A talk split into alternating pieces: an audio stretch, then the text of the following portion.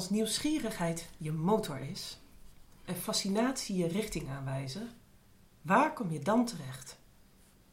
bracht mij dit keer aan tafel bij Valentijn Karemaker. Valentijn is een postdoctoraal onderzoeker aan de Universiteit van Pennsylvania.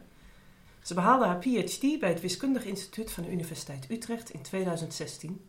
En haar onderzoek gaat over arithmetische meetkunde en algebraïsche getaltheorie. Naast wiskunde houdt ze bovendien van piano spelen en speelt ze frisbee. Welkom, Valentijn. Hallo. Ja, in Nederland richt je het European Women Mathematics op. Waar kwam die impuls vandaan? Werd je daarvoor gevraagd of liep het toevallig zo? Het liep eigenlijk toevallig zo. Een collega van mij, Janne Kool, was daar al bij betrokken. EWM is een Europese organisatie voor vrouwen in de wiskunde en zij organiseerde al wat activiteiten in Nederland. En vroeg mij of ik, daar, uh, of ik dat van haar wilde overnemen.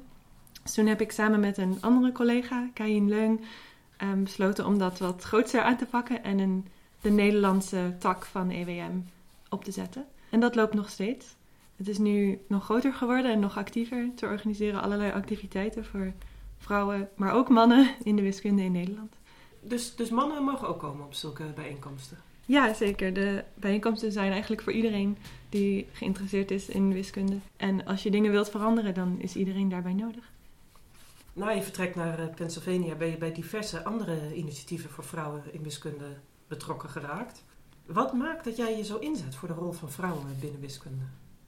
Je merkt eigenlijk als je, in als je wiskunde studeert en dan in de wiskunde blijft werken, dat er steeds minder vrouwen om je heen zijn. In de studie Ehm, is het soms nog redelijk gelijk, ehm, mannen en vrouwen. Maar naarmate je op hogere posities terechtkomt, zijn er steeds minder vrouwen.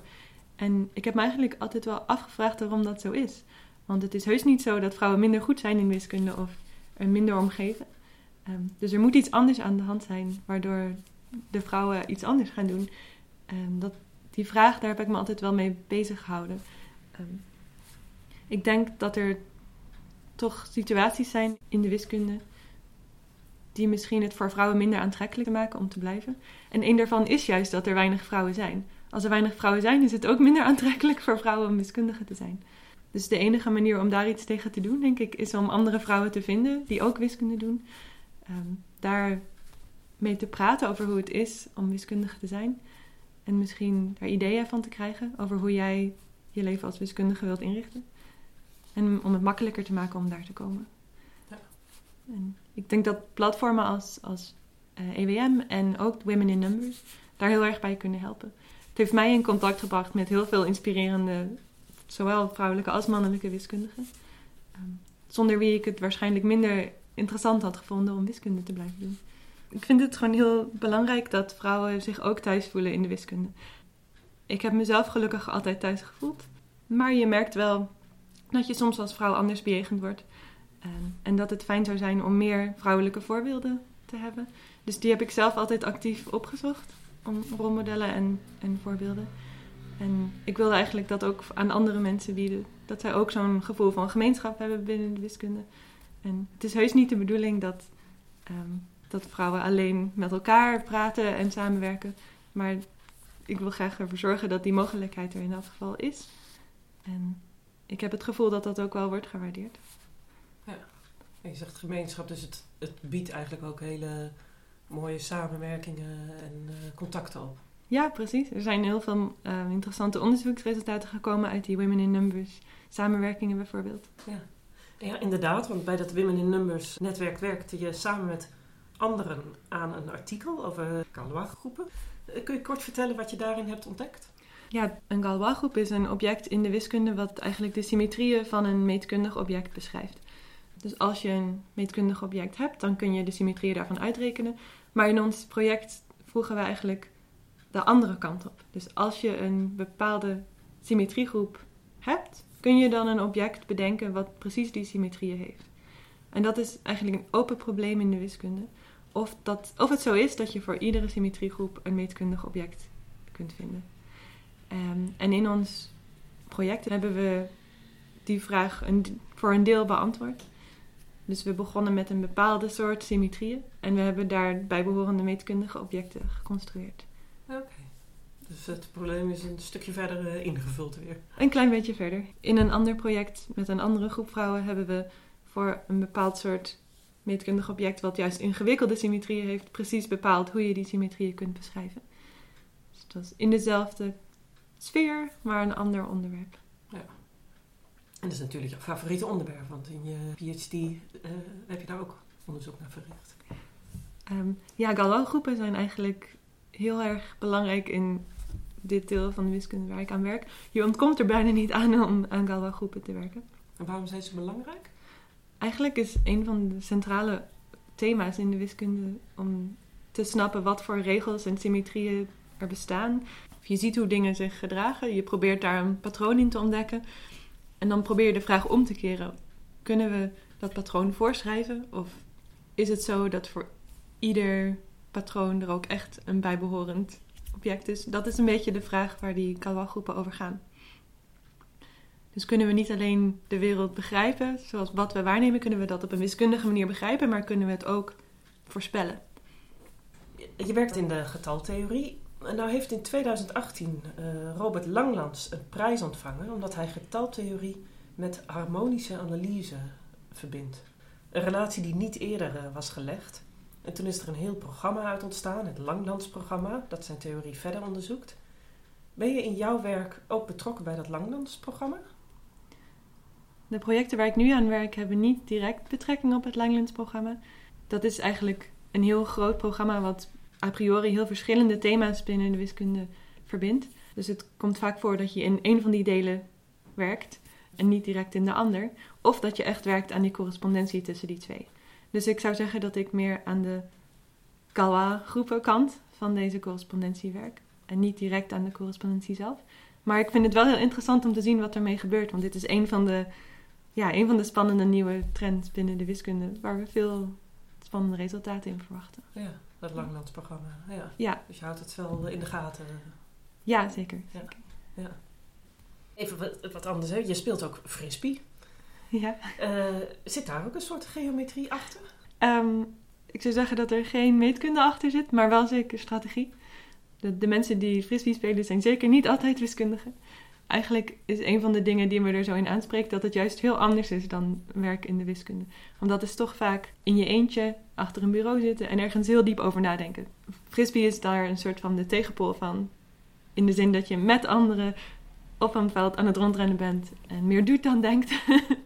Ehm, dus het, is voor mij juist wel fijn om een soort balans te hebben tussen dat soort activiteiten. Hè, Maar als je dan eh, na afloop met zo'n team samen zit, kan het voorkomen dat jij met jouw wiskundige achtergrond misschien nog wel eens net wat extra over de strategie zegt. Ja, ik vind het wel heel leuk om over de strategie na te denken. Dat is zeker waar. Vooral in de verdediging zijn er verschillende tactieken die je kunt gebruiken. Ehm, je kunt een persoon kiezen die je verdedigt, zoals je ook vaak bij basketbal of voetbal ziet. Of je kunt ervoor kiezen om het veld op te delen in, in vlakken en ieder persoon een vlak toe te verdelen. Dat heet zonneverdediging. En daar komt veel meer nou ja, denkwerk bij kijken in zekere zin. Je moet ook veel meer met elkaar praten als je dit doet, want het gaat sneller mis. Maar als het goed werkt, dan is het heel erg effectief. Dus ik vind het leuk om over dat soort dingen na te denken en te zien hoe je dat als team het beste kunt doen. Ja. Ehm, wat vind jij lastig in je werk? Vaak is het zo dat als je ergens aan werkt, en dan probeer je iets te begrijpen en iets nieuws te bewijzen. Maar totdat je iets begrijpt, begrijp je het eigenlijk heel lang niet. En die periode waarin je het gevoel hebt dat je er niets van snapt en dat je ook niet ziet hoe je eruit komt, dat kan best frustrerend zijn. Je probeert van alles en het werkt niet. Eh, en soms weet je ook niet zo goed of het wel gaat werken. Je weet niet altijd of iets waar is of niet. Dat probeer je dan juist uit te vinden. Ehm, en het kan best wel lastig zijn om met ja, dat gevoel van onbegrip en, en falen om te gaan. Het hoort er heel erg bij. En het is juist als het dan wel lukt, is het natuurlijk extra mooi. Ja. Ehm, maar ja, die momenten zijn soms wel lastig. We spraken over jouw inzet voor de zichtbaarheid van vrouwen in wiskunde. Is er één vrouwelijke wiskundige die jou erg aanspreekt? Ja, ja, nou een voorbeeld van een heel indrukwekkende wiskundige voor mij is Emmy Neuter. Die leefde aan het einde van de 19e, begin van de 20e eeuw in Duitsland. In een tijd waarin het nog helemaal niet normaal was voor vrouwen om wiskundige te zijn en een baan te hebben aan een universiteit als wiskundige. En zij was eigenlijk een van de eerste die dat wel lukte. Het was op andere manieren ook ingewikkeld voor haar, want ze was Joodse in Duitsland en moest dus het land ook verlaten in de jaren dertig. En toen is ze naar Amerika gegaan, naar Pennsylvania, eigenlijk heel dichtbij waar ik nu werk. Ehm, ik heb die plek ook bezocht waar ze is begraven. En ze heeft ongelooflijk veel bijgedragen aan mijn vakgebied. Dat bestond toen eigenlijk nog niet zo. Dus de abstracte algebra is toen in die tijd ontwikkeld en zij was een van de grondlegsters daarvan eigenlijk. Dus dat vind ik heel erg, heel erg knap, hoe ze al die dingen heeft kunnen doen in een tijd waarin er extra drempels waren voor mensen zoals zij op, op verschillende manieren. En ik heb het gevoel dat ik nog steeds niet alles weet van wat ze heeft gedaan. En soms kom je haar naam weer tegen en denk je, heeft ze dat ook nog gedaan? Ja, ja. blijft fascineren. Dus uh, mooi. En wat vind jij zelf het, het fascinerendst in jouw werk op dit moment? Wat me het meest aanspreekt in de wiskunde is dat als je werkt aan een onderzoeksproject, dan voel je je eigenlijk een combinatie van een ontdekkingsreiziger en een journalist. Want ehm, wat je bewijst is, is waar. Dat was eigenlijk altijd al waar en het zal ook altijd waar blijven. Dus het heeft iets van dat je het hebt ontdekt, dat het al bestond, maar dat jij het hebt ontdekt. Of dat jij het voor het eerst hebt beschreven. Een beetje een combinatie van beide. Vroeger, toen ik klein was, wilde ik eigenlijk altijd al of detective of journalist worden. En ik heb het gevoel dat het een soort van gelukt is door wiskundige te worden. Ja, mooie combinatie, ja. ja. Je bent natuurlijk Nederlandse en zit nu in Amerika. Wat valt jou op in de verschillen tussen eh, de, ja, het wiskundig klimaat? Ehm, in het onderwijssysteem is het best wel anders dat in Amerika alle studenten calculus volgen, wat een soort basisvak is in de wiskunde, maar waarbij eigenlijk niet zo heel veel wordt bewezen. Dus het gaat vooral over dingen uitrekenen. Terwijl in studies in, in Europa uh, wordt veel meer de nadruk gelegd op dat je al vanaf het begin leert hoe je een wiskundig bewijs opschrijft. Uh, dat vond ik zelf heel erg leuk. Uh, dus, maar calculus is, werkt net anders. Qua onderzoek is het vooral dat de werkcultuur toch best wel anders is. Het voordeel daarvan is dat er in Amerika veel gebeurt. Dat er veel activiteiten zijn waarbij je ook als junior onderzoeker heel erg betrokken kunt zijn. Het nadeel is dat de werkdruk best wel wat hoger ligt dan in Nederland. Ik heb nog wel tijd voor, voor frisbee en muziek maken, maar minder dan eerst. Ja. Ehm, ik probeer het wel heel erg. Ik vind het belangrijk om ook buiten de wiskunde dingen te doen waar ik gelukkig van word. Ja, als je het hebt over gelukkig worden, je hebt het eigenlijk al een heel mooi pad nu belopen. Verschillende ervaringen opgedaan. Ik ben tot slot eigenlijk nog wel nieuwsgierig. Als je weer uh, jezelf terug zou plaatsen in de tijd je zit opnieuw in de schoolbank of je kijkt terug naar die periode. Welk advies zou je dan geven aan mensen die bijvoorbeeld nu in de middelbare schoolperiode zitten? De wiskunde die je op school leert is maar een heel klein deel van wat wiskunde eigenlijk inhoudt.